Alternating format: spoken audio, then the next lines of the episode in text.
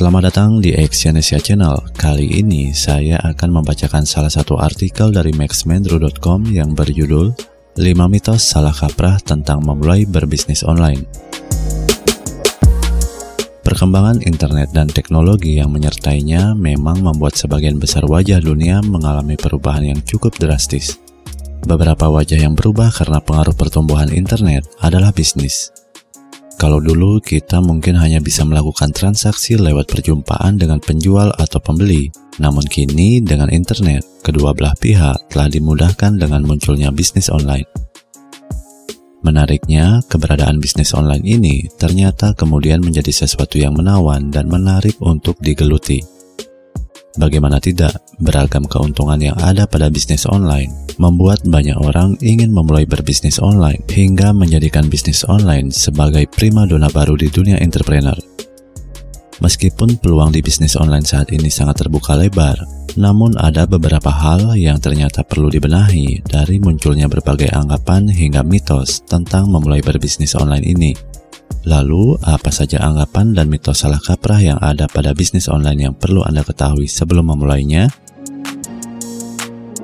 Yang pertama, bekerja paruh waktu untuk menghasilkan pendapatan penuh waktu. Bisnis online banyak menarik orang karena bisa dilakukan di mana saja dengan waktu yang sangat fleksibel, bahkan hanya di separuh waktu saja. Namun nyatanya, pebisnis online harus bekerja ekstra keras, setidaknya di beberapa tahun awal mereka membangun bisnis online tersebut. Hal ini memang sudah umum terjadi pada semua jenis perusahaan rintisan digital berbasis online yang sedang mengawali usahanya. Maka, jika Anda memang menginginkan kerja fleksibel dan paruh waktu dengan penghasilan yang penuh waktu, maka inilah tantangan yang pertama kali harus Anda taklukkan.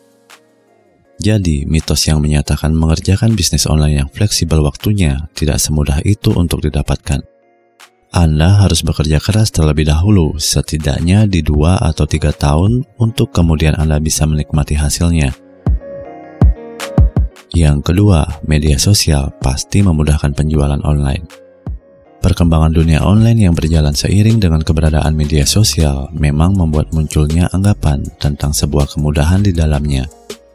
Media sosial yang bisa dibuat tanpa biaya dan mampu menghubungkan penggunanya dengan ratusan ribu bahkan jutaan pengguna lain dalam kenyataannya memang banyak dimanfaatkan pelaku bisnis online untuk menjual produknya. Namun tahukah Anda bahwa sebenarnya media sosial ini bukanlah tempat yang tepat untuk menjual produk online? Bahkan user dari media sosial ini sangat kesal dan menghindari adanya iklan-iklan atau yang berbau iklan saat mereka mengakses akun media sosialnya yang sejatinya mereka perlukan untuk keperluan hiburan dan bersenang-senang. Yang ketiga, setiap follower Anda adalah konsumen Anda. Hal lain mengenai media sosial yang salah kaprah digunakan dalam keperluan bisnis online adalah adanya anggapan atau mitos bahwa setiap teman atau follower Anda adalah konsumen. Ini tentu anggapan yang salah, sebab dalam bisnis, pemasaran haruslah dilakukan pada konsumen yang tepat.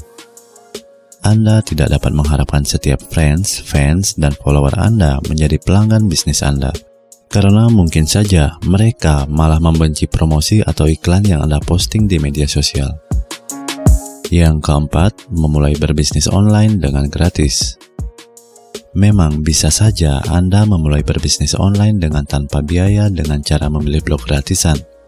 Namun, seiring pertumbuhan bisnis online, kini konsumen sudah pintar memilih toko online yang bisa dipercaya. Dan tentu saja, bisnis online dengan blog gratisan akan sangat sulit untuk mendapatkan kepercayaan konsumen dibanding dengan blog berbayar yang profesional.